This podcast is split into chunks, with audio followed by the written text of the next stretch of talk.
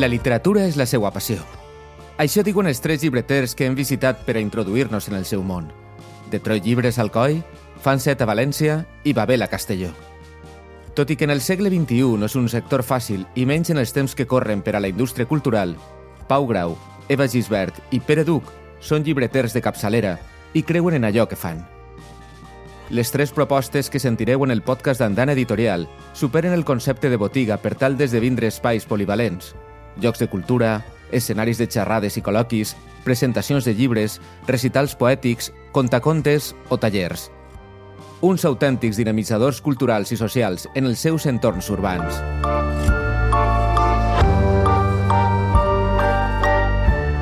Llegim a l'andana.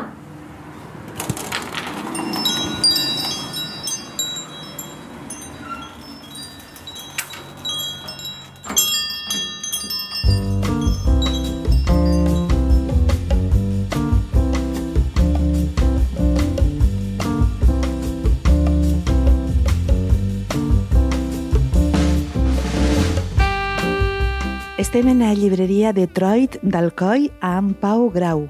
Pau, primer que res, és una pregunta recurrent, però lo de Detroit en Alcoi, com, com es menja? Bé, tinc que dir que és un nom, una nomenclatura que vam heretar dels que originàriament van posar eh, el projecte en marxa.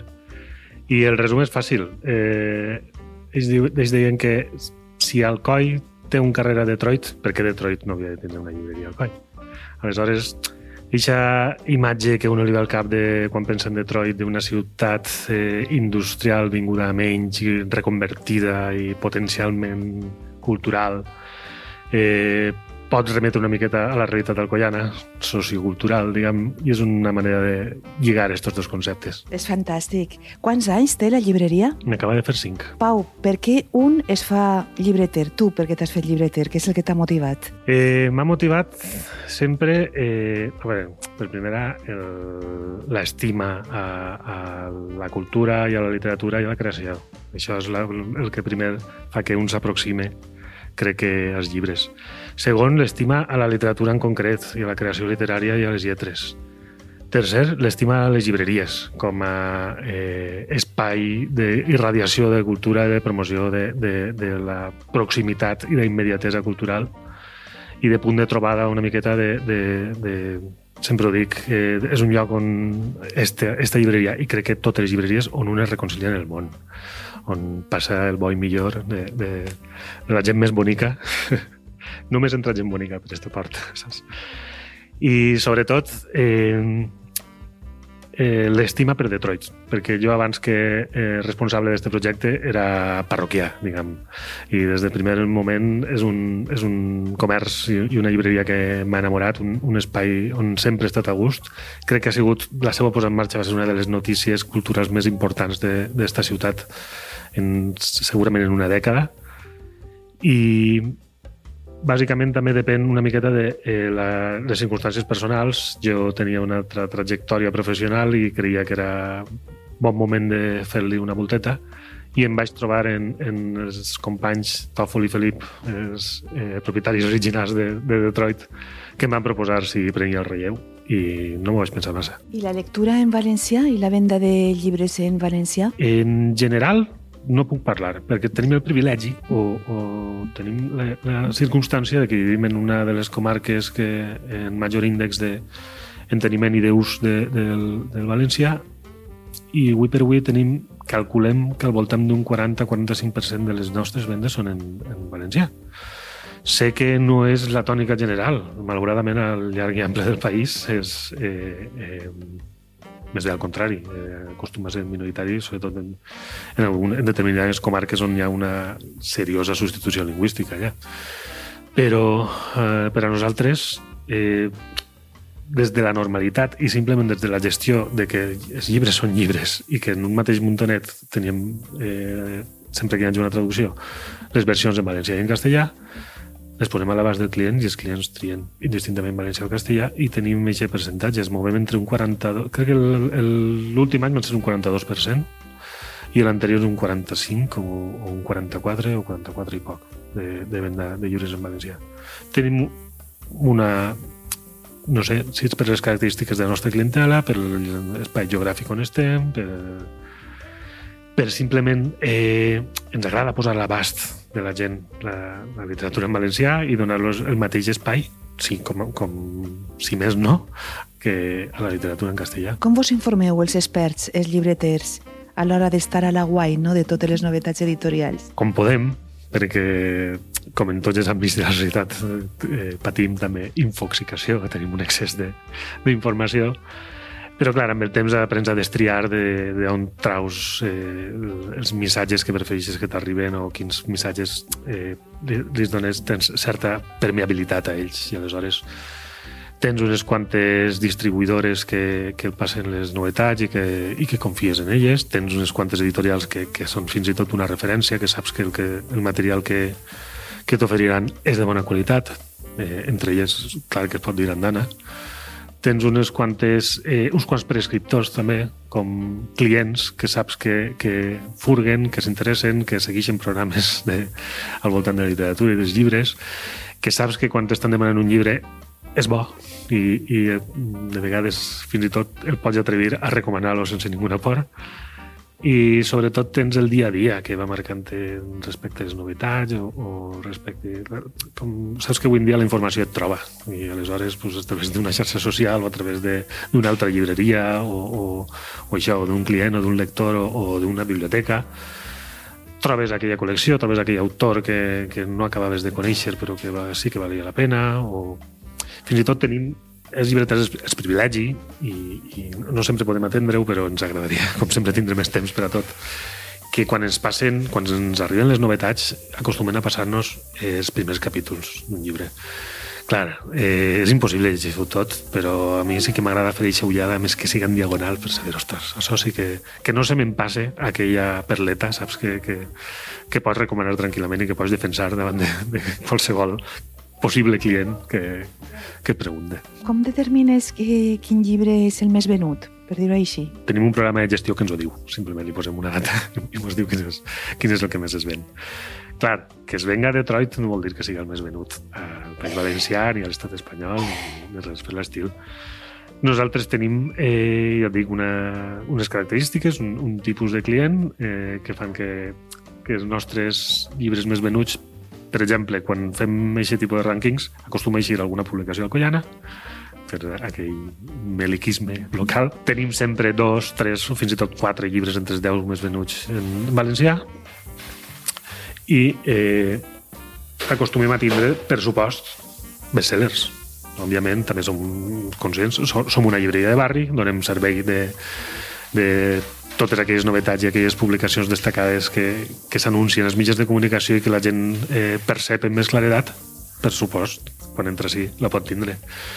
Sabem quins són els llibres més meduts a escala estatal, perquè a més ens passen rànquings setmanalment des de la Confederació Estatal de, de Gremis i Associacions, però el nostre propi rànquing té aquestes pinzelladetes de, de la personalitat pròpia de la llibreria, com de totes les llibreries, per descomptat. La clientela hem vist ara per ahir la veueta d'un xiquet, sentíem de fons, Eh, hi ha mm, clientela infantil juvenil en Detroit? Sí, molta, no? Afortunadament tenim una bona cantera assegurada. Eh, tenim una secció infantil que ens agrada prou potenciar. Ara mateix tenim en marxa cada primer dissabte de, de mes, gràcies a la col·laboració de la il·lustradora Lirios Bou, una, un cicle d'activitats que es diu Petit Detroit i que tenim tallers infantils per a partir de 5 anys per a xiquets i xiquetes cada dissabte matí, una vegada al mes, que a més tenim la idea d'anar ampliant i anar oferint més. I és un goig que a nosaltres ens agrada molt tindre per així criatures les seues veuetes i que vagin manipulant les coses i que, i que vagin furgant en els prestatges i, i, i trobant les coses que els agraden. Sobretot perquè en el temps, eh, poquet a poquet, veus com van creixent i com van canviant de secció, com van buscant altres coses. Tenim alguns jo en els dos anys que porto ja he vist aquest salt de, de clients i clientes que passen d'infantil a juvenil i, i la veritat és que és una miqueta emocionant fins al punt de que estem a punt de crear un, un, de posar en marxa un club de lectura juvenil de tres lectores àvides que, que venen buscant les seves novetats infantils i, i venien buscant les seves novetats infantils i ja estan en juvenils i, i volen compartir totes aquelles troballes que van llegint i, i parlar de llibres i això fa molt de goig. Fantàstic. En aquest univers infantil-juvenil està Andana. Andana és una de les preferències de la casa. Tenen alguns dels autors que més estimats, com Francesc Gisbert, per exemple, que, que, que el tenim prou a sovint també per així remenant llibres, o, per exemple, en, en infantil eh, són tota una referència, autors com Oliver Jeffers, fins i tot llibres per als primers lectors o, o prelectors que, que, que no ens falten mai. Les novetats d'Andana són sempre... Eh, no, no cal ni, ni, ni tan sols puntejar-les, les, les envien directament i així són ben apreciades. Convidem als oients i xiquets, xiquetes i també adolescents que pugen a l'andana per a llegir amb nosaltres. Llegim a l'andana, avui amb Pau Grau. Una última qüestió, perquè estem així en una llibreria que és molt diàfana, hi ha molt d'espai per a organitzar activitats alternatives no? o paral·leles a, al que és únicament la, la venda de llibres i vosaltres en aquest sentit sou un poc dinamitzadors de la ciutat i de la comarca, no? Tenim espai, afortunadament. Eh, tenim, jo no diria auditori, però tenim un, un, un racó que podem omplir de cadires amb una pantalla i, i convertir-ho en, en, en una sala com de xerrades o de conferències. I aleshores ens agrada convidar als autors i a aquell que ha, ha apostat per la creació literària que vinga i que ens la presente. Eh, tenim eh, la, la programació està una miqueta condicionada per l'esdevindre mateix de la llibreria en, en aquells picos d'activitats, en aquelles puntes com en eh, la campanya de text o, o en Nadal, l'hem de eh, paralitzar momentàniament, però intent, quan no són eh, aquestes èpoques intentem sempre tindre cosetes que oferir perquè tenim les portes obertes i, i així tothom és benvingut. Doncs així estem al COI, al carrer Oliver, en la llibreria Detroit i llegim amb ells, amb els nostres companys de Detroit, a la nostra andana.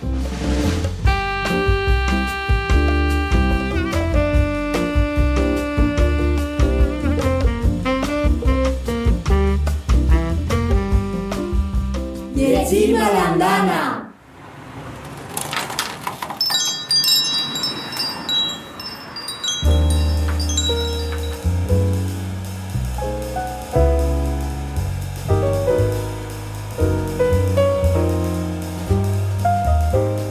Llegim a l'andana ara mateix en una altra llibreria que està situada en el cor de la ciutat de València. Estem en la llibreria Fan 7, que ja porta 10 anys en funcionament. La llibretera Eva Gisbert està guiant-nos.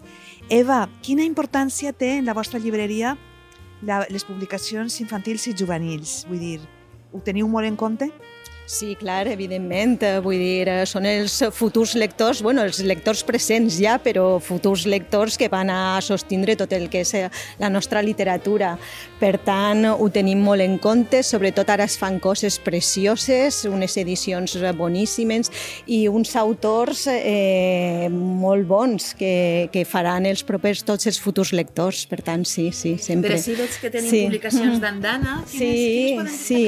Doncs mira, eh, podem podem destacar el Xavier Aliaga amb el meu nom no és Irina, que això és un bestseller eh, de sempre que encanta als xiquets i a més que està molt bé perquè ells venen, l'agafen i el recomanen no? de, de viva veu, després tornen a per, a per més Aliagas. No? Eh, aquesta nova edició, per exemple, de l'Odissea de, de Homer, que és una adaptació eh, que és molt bonic. Després tenim també la colla, la colla 1, de Jaume Monsó, que també ha sigut un llibre que agrada moltíssim, no? perquè és eh, la pilota valenciana, són els herois, però en pilota valenciana, eh? Eh, amb uns dibuixos de Miguel Giner, que està molt bé, i eh, la Raquel Ricard, també Ciutadà Perfecte, que és una distopia eh, bueno, que pot ser tan juvenil com d'adults també, no? perquè Raquel Ricard també és una autora estupenda eh, que escriu meravellosament bé.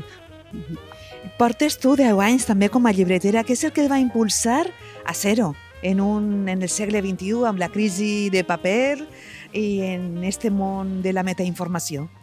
Doncs realment jo sempre m'ha agradat llegir, eh, rodejar-me de llibres. Eh, jo venia a la 3 i 4, sempre m'he criat en la 3 i 4, no? veníem sempre a la 3 i 4 a llegir I, eh, bueno, I arriba un moment que la 3 i 4, eh, quan s'inaugura el Centre Octubre, es trasllada així al Centre Octubre.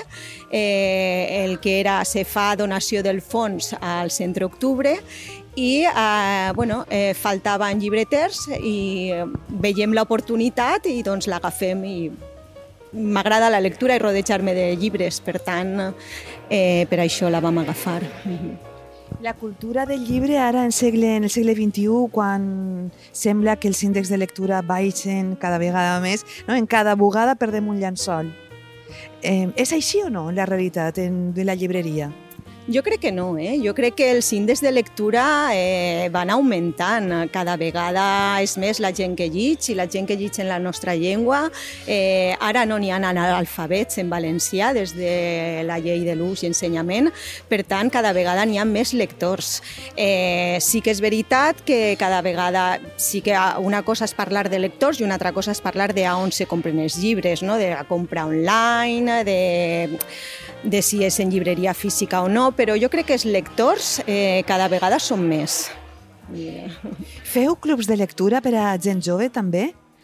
Mm, clubs de lectura eh, no en fem de moment. És una cosa que tenim sempre pendent ahir. Eh, sí que fem moltíssima activitat, eh, fem presentacions, fem tertúlies literàries, tenim la sort d'estar dins de l'Octubre Centre de Cultura Contemporània, per tant, diguem que se retroalimentem en el tema de programació, de presentacions, etc. De moment, el club, mira, me ho apunte perquè en farem, en farem, sí. Queda anotat.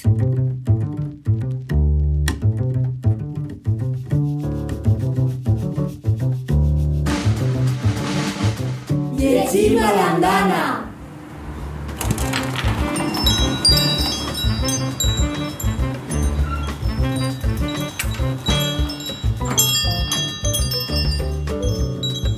Ens trobem amb Pere Duc, llibreter de referència en la llibreria Babel de Castelló, que porta 30 anys. Tres dècades, com ha evolucionat le, el negoci, la venda de llibres? Doncs mira, en 30 anys ja són uns quants, sí que hem observat que eh, fa 30 anys les llibreries potser foren eh, l'únic aparador on la gent eh, podia veure llibres. Clar, el canvi més radical que ha hagut ha sigut el tema eh, virtual, que ara ja les llibreries passem a no ser l'únic aparador, sinó que la gent moltes vegades ara ve a la llibreria ja amb la idea del llibre que vol, que ja l'ha vist per, en, per, en, en altres espais i que prefereix encara així vindre i fullejar-lo i si li agrada adquirir-lo.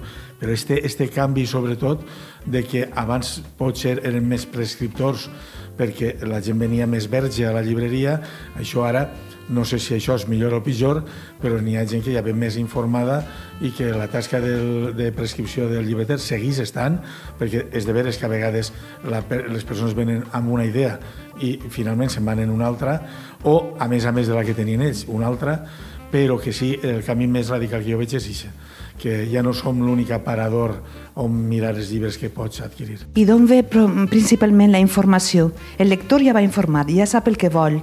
D'on procedeix aquesta prescripció? Internet, internet és internet. Eh, abans era el, el boca-orella i, com dic, el, el, la sorpresa de visitar la llibreria eh, i veure què te trobaves.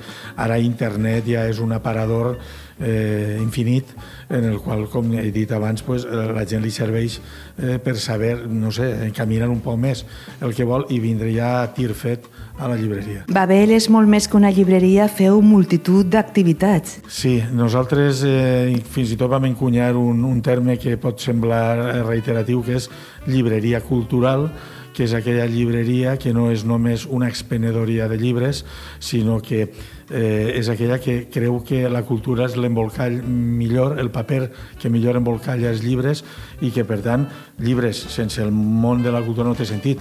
Nosaltres el que intentem fer en la llibreria és posar el nostre granet de sorra en fer cultura, en ser un agent cultural actiu en la nostra ciutat. Eh, respecte a la literatura juvenil i infantil, hi ha més demanda, menys? Com ha anat evolucionant en aquestes tres dècades? És l'estrella. Eh, si, poguer, si, hauria, si haguérem de dir quina és la secció que, que ven més llibres, que més visitada és, doncs seria eh, narrativa, novel·la i la secció d'infantil juvenil. Més infantil que juvenil, però infantil eh, se produís pues, fets com, per exemple, de pares joves eh, que fins i tot ells no, no són massa lectors, però que en el moment són pares, apareixen per les llibreries.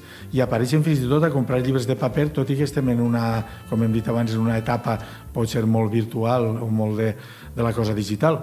Aleshores, eh, a evolució, el, el tema infantil, com dic, és on els espais són més bonics, on l'evolució segurament de, en l'edició també ha sigut més, més positiva, dels llibres que fa 30 anys teníem a les llibreries als d'ara a nivell edició eh, no té res a veure, són molt atractius i, com dic, és la, jo crec que la secció estrella de, de la llibreria. Andana té el seu espai. Té el seu espai, els seus àlbums tenen el seu espai, el que us parla és lector dels, dels àlbums, però també d'algun llibre d'adults. Eh, ara tinc a la cap el de Víctor Labrado, de l'Estraperlo, eh, del, me va encantar, ja l'ho vaig fer arribar al, a l'autor en el seu moment, i, i sí, tenim llibres i temes, m'agrada el tema, la cosa que feu de poesia, eh, el, el tema de la música que heu fet amb la sèrie de llibres amb Dani Llorenç, eh, el tema educatiu el toqueu molt bé i a nivell d'edició mm, fins i tot eh, n'hi ha premis que us avalen i que per tant estem contents en, en el que feu en Andana. Sí. Com et vas fer llibreter? Tu i la teua dona, no? Correcte. En, en veritat, en veritat, jo sóc el més xerraire dels dos, però la llibretera de soca autèntica és Lledor, és la meva dona. Eh, és un projecte que, que els dos vam engegar eh, segurament per la nostra estima i relació amb els llibres, com a lectors, però també per les circumstàncies sociopolítiques, històriques. Eh, la nostra primera llibreria, que no va ser Babel, va néixer en l'any 82. Clar, i la nostra se m'havia oblidat l'altra pata, diguem, l'altra branca era el nostre compromís amb, amb el valencià, amb la nostra llengua i amb el nostre país. I això va fer que en aquell moment detectàrem que n'hi havia un buit brutal de llibreries d'edició en català, eh, bé, d'oferta en general. I vam estimar que en aquell moment era, era la cosa de fer-ho Vam obrir la primer, les dos primers llibres que vam tindre es deien Tres i Ratlla i Faristol Llibres, que eren dos llibreries únicament de llibres en català, i ja en l'any 92 potser ja no tocava aquesta llibreria només en català, o així ho vam, ho vam entendre, i és quan naix en l'any 92 Babel, 92, i com tu deies, que fa els 30 anys de llibreria. Nosaltres, com a llibreters, 40 i va néixer, com t'he dit, d'això, l'estima per els llibres i la conjuntura valenciana eh, dels anys 80 amb la transició, l'Estatut d'Autonomia, la llei d'ús i ensenyament, i ensenyament del valencià, etc. Quina emoció començar en aquest moment i ara fer balanç després de tres dècades. Hi ha més l'ús del valencià ara que has esmentat la llei d'ús i ensenyament i com ha contribuït l'escola a fer més lectors, mmm, Trobes que es parla més valencià, s'utilitza més la llengua? Creus que els lectors que fem en valencià quan són infants o juvenils els podem mantindre? Mira, la llei d'ús i ensenyament del valencià no és culpa de la llei exclusivament, evidentment. En, en ensenyament li posaria un notable alt, en ús suspenem. És a dir, que la mancança, me passa ara al tema social, eh, d'ús al carrer, a les botigues, a la vida quotidiana, ens queda una, un camí, no vaig a dir infinit, però gairebé. A nivell de l'ensenyament, jo, jo, jo vinc també del sector de l'ensenyament, eh, s'ha avançat moltíssim, moltíssim en la normalització. Un tema és que què passa en aquesta llengua quan estan als patis, quan surten de la porta del col·legi o de l'institut, i què passa quan aquests xiquets i xiquetes tenen 14 anys i es perdem perquè en la part juvenil els perdem, alguna part d'ells es tornem a recuperar passada tota l'etapa educativa, fins i tot la universitària, que també n'hi ha que dir que apareixen poc per les llibreries i se recupera a vegades a partir dels 30 anys, però ne perdem molts, molts pel camí. No sabria ara ni és el moment ni tenim el temps, però, perquè és molt llarg, però ahir tenim, tenim un espai per treballar molt i, i gastar el cap per a veure per què passa això de que a partir de l'adolescència es perdem. Cal buscar estratègies i posar ams per a pescar aquests lectors i lectores.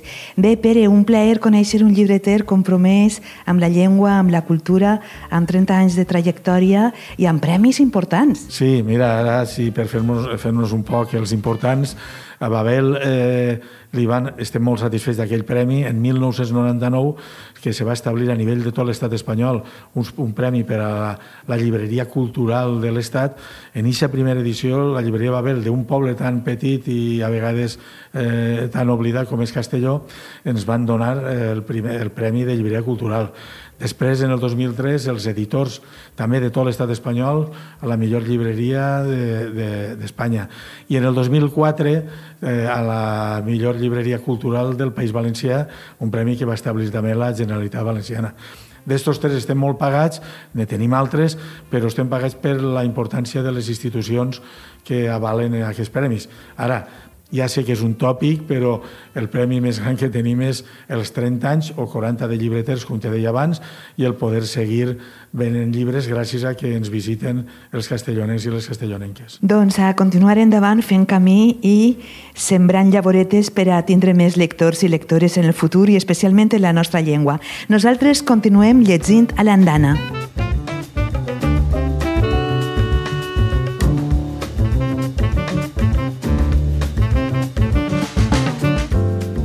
Les llibreries del segle XXI són espais d'encontre acollidors on qualsevol de nosaltres pot trobar el seu racó.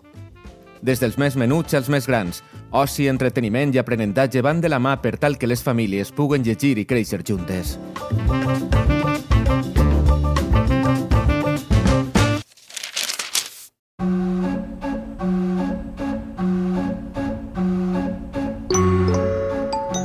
Hola, sóc Irene Cabezas, tinc 13 anys i vaig a llegir un fragment de l'Illa Infinita de Mauriel Villanueva.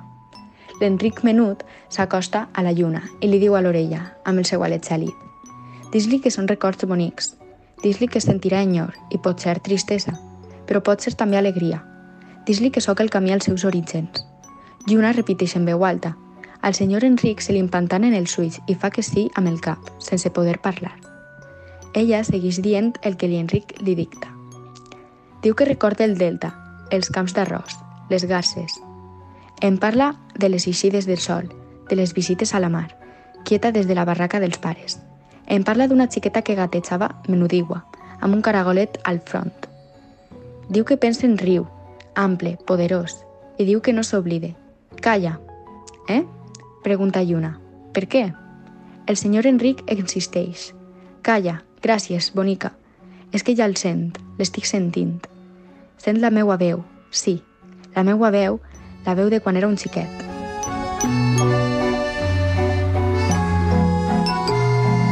Llegim a l'andana! Moltes gràcies, Irene. Un plaer que hagis llegit de la nostra andana. Un podcast realitzat a quatre mans entre Amàlia Garrigós i qui vos parla, Xavier Martínez. Fins la pròxima ocasió. Salut i llibres.